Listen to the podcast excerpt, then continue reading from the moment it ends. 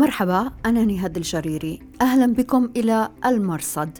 في هذا البرنامج نتابع أخبار العالم المظلم من الجهاديين إلى عالم الإنترنت المعتم والجريمة المنظمة. أهلا بكم في راديو وتلفزيون الآن. بودكاست على راديو الآن. أهلا بكم إلى حلقة هذا الأسبوع من المرصد. نغطي فيها الفترة من 19 إلى 25 سبتمبر 2021 إلى العناوين. خلافا لبيان حراس الدين السباعي لم يحكم لصالح القيادة في قضية المفصولين. التحالف يقتل قائدين من الحراس ليصل عدد الغارات إلى سبعة خلال الخمسة عشر شهرا الماضية. وضيفة الأسبوع السيدة جاي سوياري المسؤولة في مفوضية الخدمة المدنية التابعة لحكومة أفغانستان السابقة. السيدة ياري تروي رحلة اللجوء من مطار كابول وبإمكانكم الرجوع إلى نص هذه الحلقة في أخبار الآن دوت نت. على راديو الآن. تناقل أنصار القاعدة في الشام بيانا نسب إلى أبي همام الشامي زعيم حراس الدين. البيان الذي قدم له المدعو حسان الشامي مراسل شام الرباط القناة الرسمية. للحراس هو الثاني من نوعه خلال أسبوع تقريبا. فيه تعقيب على رفض هيئة تحرير الشام الدعوة التي تضمنها البيان الأول إلى احتكام شرعي عند أبي قتادة الفلسطيني أو أي محكمة مستقلة ترضاها الهيئة. وكما البيان الأول هذا الثاني غير موفق لأنه لم يقدم حلا يشي باستراتيجية على مستوى قيادة والأهم هو المغالطات التي في هذا البيان. في الحلقة الماضية بينا أن قيادة الحراس رفضت احتكاما شرعيا دعا إليه عناصر التنظيم فيما عرف بقضية المفصولين أبي ذر وأبي يحيى اللذين تحفظا على سلوك القيادة ومن ذلك تنسيق هجمات مشتركة مع هيئة تحرير الشام. هذا البيان يعقب على هذا الخلاف الداخلي الذي وقع في العام 2019 يقول هذا البيان إنه تم رفع الأمر إلى العلماء للبت فيه وإن بعض أهل العلم فصلوا في الأمر ومنهم هاني السباعي الذي أصدر حول تلك الأحداث كلمة صوتية وإن قيادة الحراس التزموا بالحكم الشرعي الذي بينه السباعي وبالتالي فالقضية تم حلها عند أهل العلم وقيادة التنظيم. هذا ما جاء في بيان أبي همام الشامي وهذا كلام غير صحيح. في تاريخ 26 6 2019 تحدث هاني السباعي في الأمر. كان المفروض أن يقدم درسا لطلابه لكنه تحدث أكثر من ساعة في تلك الأحداث من عام 2019 الخلاصة أكد السباعي أن أيا من طرفي الخلاف لم يختره للتحكيم وأن تعليقه هذا هو من باب النصيحة وبالتالي كذب البيان عندما أوحى بأنهم رفعوا الأمر إلى هاني السباعي. أنا هنا لست قاضيا آه، معينا من قبل سلطة آه، أنا تابع لها مثلا فلست كذلك ولست محكما اختارني خصماني آه، طواعية. ثانيا السباعي انتقد طرفي الخلاف أبا همام والعريدي من جهة والقاضيين الجزائري والمصري من جهة أخرى. لكن انتقاده القيادة كان أشد وهذا واضح في نهاية حديثه. أنا أقول ليس معناه أنك اتخذت القرار فإنك من العيب أن ترجع عن القرار. يجوز لك. رأيت من المصلحة ورأيت أن في آه، ربما في آه، نتيجة نزغ شيطان أو نتيجة أن القرار اتخذ على عجالة أو أي شيء فإنك من ممكن تتراجع على القرار. ثالثا بدأ السباعي بالتفصيل الشرعي لمسألة عزل قاضي أو حتى قائد في ساحة المعركة مستندا إلى أحداث من التاريخ. وفي هذا شقان.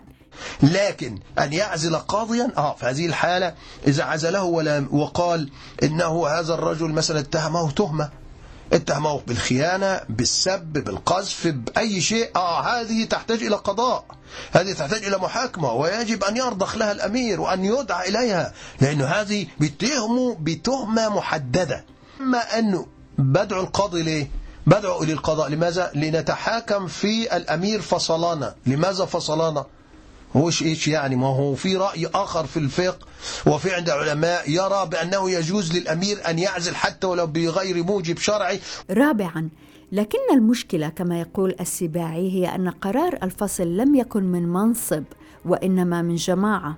أنت بت- بتقول له أنت أنت قررنا فصلك من منصب القضاء. خلاص تصير جنديا عاديا تصير أخذ لنا عادي. لكن قرار فصل من القضاء ويعني وقرار ويتبعوا فصل من الجماعة هؤلاء مفصولون. يعني فصل يعني خامسا السباعي انتقد أن تعلن قيادة الحراس عن القرار بالطريقة التي حدثت. قرار الفصل ألا ينشر بهذه الطريقة؟ حتى إذا كان لابد أن ينشر ينشر شفاهة بينكم. وبعدين يكون في يعني ما هي العجالة يعني أنا بتعجب. ما هي العجالة في نشر مثل هذا القرار أو هذه القرارات اللي تحدث فتنة والتي تشمت أعداء الإسلام الذين يتربصون بالمسلمين؟ إذا الخلاصة هي أن تمنع بيان قيادة حراس الدين بأن السباعي أفتى في الأمر فيه مواربة للحقيقة. الأمر الثاني في هذا البيان المنسوب إلى قيادة حراس الدين هو أن أبا همام يلمح إلى أن هيئة تحرير الشام متورطة في آه، تنسيق ضربات التحالف التي تستهدف المعارضين. يقول هذا التحالف استهدف الشيخ أبا محمد السوداني بعد رسالته الأخيرة بيوم واحد والتي طالبكم فيها بالتحاكم للشريعة وقد استهدف غيره وكل هذا تم في خضم أحداث الاعتقال والمطاردة من قبلكم. بودكاست على راديو الآن. وهذا ما حدث بالفعل. يوم الاثنين 20 سبتمبر 2021 قتل التحالف قرب بن الشرق إدلب اثنين من قياديي حراس الدين أبا البراء التونسي وهو عضو المجلس الشرعي وأبا حمزة اليمني وهو قائد عسكري.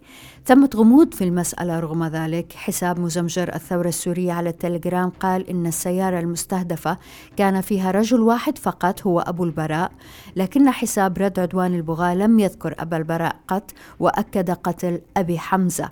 خلال الأشهر الخمسة عشر الماضية قتل من قيادات الحراس ومعارضي الجولاني خمسة عشر شخصا على الأقل إما في ضربات التحالف أو مواجهات مع أمنيي الهيئة. وقد أعددنا في أخبار الآن ملفا عن هذا الأمر. بودكاست على راديو الآن. أراد طالبان أن يتحدثوا في الاجتماع السنوي للجمعية العمومية للأمم المتحدة في نيويورك فكتبوا إلى الأمين العام أن السفير لديهم هو من عهدة الحكومة المخلوعة وبالتالي هو مخلوع وعينوا مكانه سهيل شاهين. لكن الأمم المتحدة قالوا إن طالبان لن يخاطبوا العالم من المنبر الدولي. إذا طالبان يريدون أن يكونوا جزءا من الأمم المتحدة. نتذكر هنا ما قاله زعيم القاعدة الظواهري في مرئيته الأخيرة عندما قال إن الانضمام إلى الأمم المتحدة هو اعتراف صريح بإسرائيل على أساس أن الأخيرة هي عضو في نفس المنظمة. أبو محمد المقدسي له أيضا رأي في الأمم المتحدة ويعتبرها كفرية. نعود إلى مقال كتبه في العام 2016 ردا على كلام الغرياني حول الانضمام إلى الأمم المتحدة. يقول المقدسي من يشارك في هيئة الأمم المتحدة لابد له ليس فقط أن يقر الكفر الوارد في ميثاقها بل لابد له أن يلتزم به ويؤيده ويسعى لتحقيق بنوده ويلتزم بها. الآن هذا الأسبوع وتعليقا على قرار طالبان تعيين سفير في المنظمة الدولية غرد المقدسي قائلا إن الحرص على عضوية الأمم المتحدة هو منزلق وتنازل وخضوع سياسي لا يلائم جماعة مثل طالبان ماذا يعني هذا؟ هل هذب الرجل رأيه فالمنزلق ليس كمثل الكفر؟ أبو محمود الفلسطيني الموالي للهيئة ولطالبان تعجب من أن المقدسي كان يقول عن طلب العضوية في الأمم المتحدة إقرارا بالكفر وجعل دخول الأمم المتحدة بواحا وشركا والآن يقول منزلقا وخضوعا سياسيا. بودكاست على راديو الآن. ومرة أخرى في هذا البرنامج نرحب هذا الأسبوع بالسيدة كايسو ياري التي كانت حتى 15 أغسطس 2021 مفوضة في مفوضية الخدمة المدنية والرقابة والإصلاح في أفغانستان السيدة ياري صحفية وكاتبة وهي ناشطة حقوقية وتنتمي إلى الهزارة الأفغان شكرا جزيلا سيدة ياري لوجودك معنا مرة أخرى والحمد لله على السلامة No problem. It is a pleasure. Thanks for having me. سيدة ياري مضى وقت طويل منذ رأيتك آخر مرة في كابول. كان يوم جميل حقيقة الحياة تدب في كل العاصمة. كنت تحضرين مع زميلات لك لإطلاق حملات دفاع عن النساء حقهن في التعليم رفض الزواج القسري. ما الذي حدث؟ ما الذي حدث يوم 15 أغسطس سيدة ياري؟ I mean, there are so many things and from, from so many angles that I, I can't talk to. Um, what happened? Um, everything stopped. تقول السيدة ياري ثمة أمور كثيرة لا أستطيع التحدث عنها لكن الأهم هو أن كل شيء توقف. المؤسسات توقفت عن العمل البنوك توقفت عن العمل الناس توقفوا عن الحركة. حتى عقولنا توقفت عن العمل. كل شيء تجمد في تلك اللحظة في كابل. كابل كما عرفتيها أنت مدينة صاخبة بالحياة والناس في كل مكان. المؤسسات تفتح أبوابها والناشطون في كل مكان. كلها حياة. لكن كل شيء توقف بحيث لم نعد نستوعب ما كان يحدث.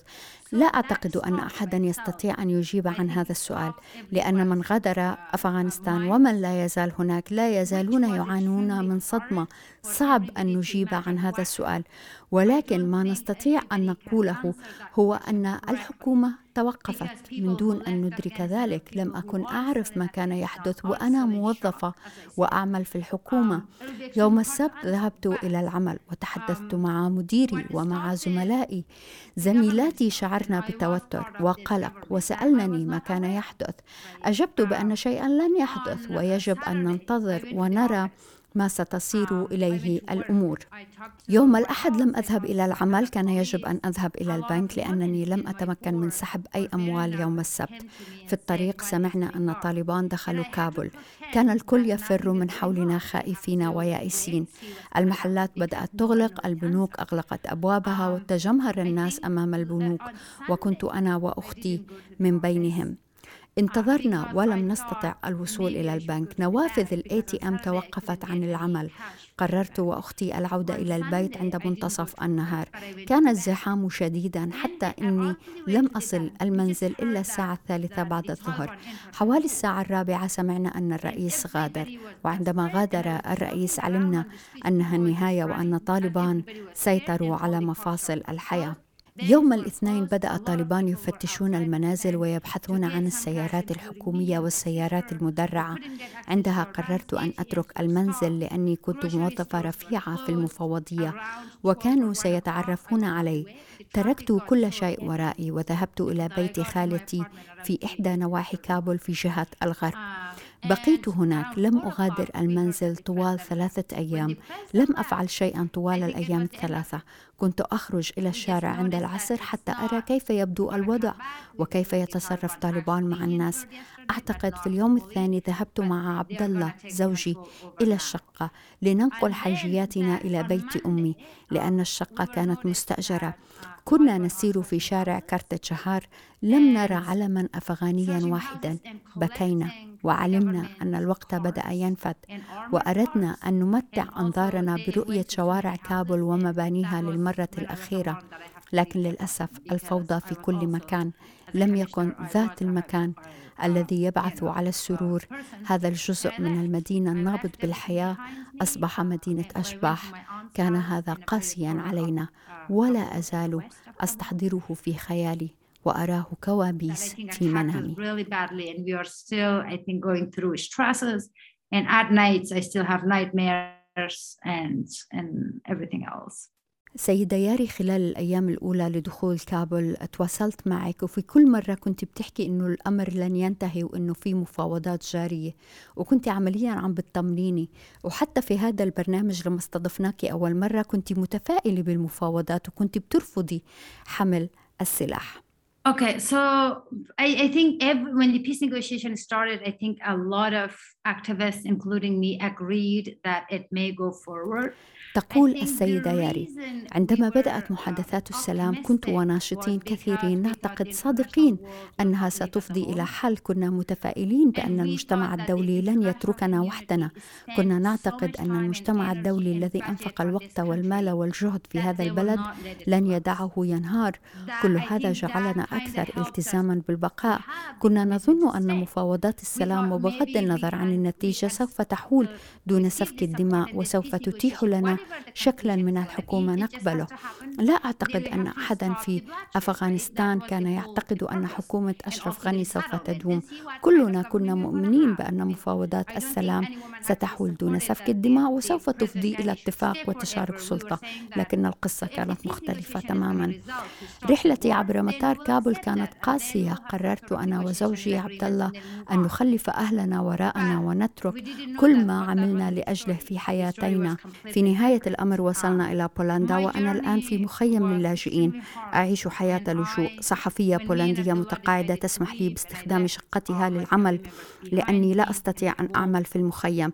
آتي إلى هنا مرتين في الأسبوع أتحدث إلى الصحفيين ثم أعود إلى المخيم. لا مال لدينا حتى نعمل أو نعيش. ليس أمامنا إلا المخيم. تخيلي أنا عندي وظيفة في أفغانستان. أنا عملت لأجل نساء بلدي. أنا اجتهدت في دراستي درست في أمريكا وكنت محظوظة فعلا. مقارنة مع نساء كثيرات بالرغم من كل هذا أعيش في مخيم للاجئين. لا أدري ما سيحمله المستقبل أو كم سيطول البقاء هناك. رغم أن فرص حصولي على عمل أعتاش منه أكبر من فرص آخرين خاصة أولئك الذين خرجوا حتى من دون أن يكون معهم وثائق إثبات هوية. ماذا سيحدث لنا؟ أي أمل أمامنا؟ إن رجعنا فماذا سنفعل؟ ماذا نعمل وتحت إدارة من؟ أين المؤسسات والمنظمات التي سنعمل فيها؟ to work for who? And there aren't any you know institutions, organizations. سيدة ياري خلال وجودي في كابل وحديثي مع أفغانيات كان التعليم وأهمية التعليم دائما حاضر. حدثينا لماذا التعليم بالنسبة لكنا أمر عظيم له أهمية أكبر من العادية؟ I think we, we are what I think uh, education activists who are actually doing advocacy for girls' education in Afghanistan. تقول السيدة ياري كنا دائما كناشطين نؤكد على أهمية تعليم البنات في أفغانستان لأننا كنا نأمل في مستقبل أفضل. جيلنا عانى كثيرا وكذلك الجيل الذي قبله. عانى من الحرب لكن هذا الجيل الذي ظهر خلال العشرين سنة الماضية هو الذي يمثل مستقبل أفغانستان هو حدد هوية وقيم أفغانستان. والتعليم في صلب ذلك وعلى رأس قائمة أولوياتنا. لا أعتقد أن طالبان يؤمنون بهذه الفكرة أو يفهمون أهميتها أو ما نقول نقول نحن نعتقد أنه إن حرمنا هذا الجيل من التعليم فسوف نخسر الكثير ولن نرى أفغانستان متقدمة كما نحب. تعليم البنات مطلب أساسي من أجل الحصول على مجتمع أفضل. أنا عشت هذه التجربة في بلدي. أنتمي إلى منطقة جاغوري وهي منطقة هزارة بالكامل. شيوخ القبيلة ذهبوا إلى طالبان وقالوا لهم إن عليهم أن يسمحوا للبنات بالذهاب إلى المدرسة. وهذا ما حدث في 1996 عندما طالبان سيطروا على البلد أول مرة. كنت أدرس في مدرسة سرية فذهب كبار القبيلة ورجال الدين وتوافقوا مع طالبان على السماح للبنات بالذهاب إلى المدارس. التعليم مهم إلى هذا الحد ثمة مئات المدارس في المنطقة التي أتيت منها وهي منطقة صغيرة. الآن طالبان يقولون إنهم يبحثون عن آليات خاصة لتنظيم ذهاب البنات إلى المدارس والجامعات. أنا عملت في مفوضية الخدمة المدنية. أنا أعلم أنه لا يوجد لدينا ما يكفي من معلمات ومدرسات جامعيات. كيف ستوفر الموارد البشرية لتعليم البنات؟ From a civil service commission, uh, Nihar, I know that we don't have enough female teachers. We don't have enough female professors who can teach in the university level. Right, then how, how are we going to provide them uh, human resources? How are we going to provide them education? It is, to me, it's a joke still, right? سيدة ياري ما رأيك بتركيبة حكومة طالبان المؤقتة؟ Well, I, I, I still don't believe that the Taliban have the aim to, to govern to practice governance. تقول السيدة ياري لا زلت لا أعتقد أن طالبان يسعون إلى حكم عادل. الطريقة التي يحكمون بها اليوم هي ذاتها التي حكموا بها في 96 وهي طريقة لا يمكن أن تستمر. لقد, لقد أغلقوا مؤسسات حكومية فاعلة مثل المفوضية التي كنت أعمل فيها. لا يعمل فيها إلا قسم الإدارة والمالية لأنهم يريدون أن يسيطروا على الميزانية. لا أعتقد أن النظام الحالي الذي يعملون بموجبه سيكون بديل بديلا جيدا للناس لأنهم لا يعملون بناء على حاجات الناس وإنما بناء على المحاصصة. أتذكرين عندما تولى حامد كرزاي الحكم في 2001 وزع المناصب الحكومية بين أمراء الحرب المختلفين حتى يرضيهم.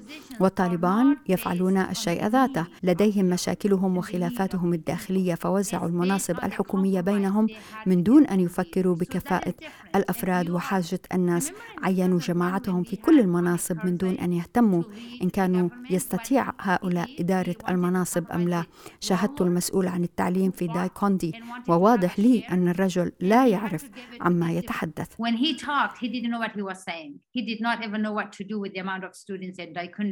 السيدة جاي سوغاري شكرا جزيلا لك. وشكرا جزيلا لوجودكم معنا في راديو وتلفزيون الآن. أنا نهاد الجريري. مع السلامة.